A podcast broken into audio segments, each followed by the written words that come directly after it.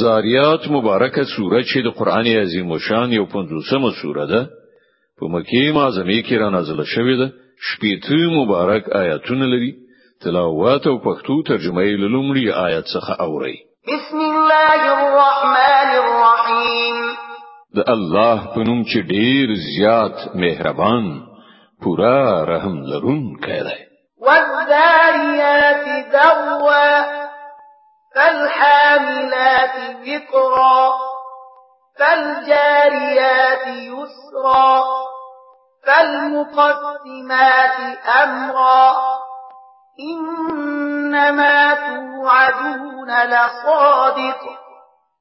وَإِنَّ الدِّينَ لَوَاقِعٌ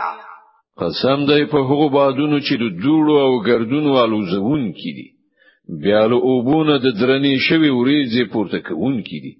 بیا په سپکرفتاری سره چلیدون کړي بیا دی ولوی کار یعنی باران ویشون کړي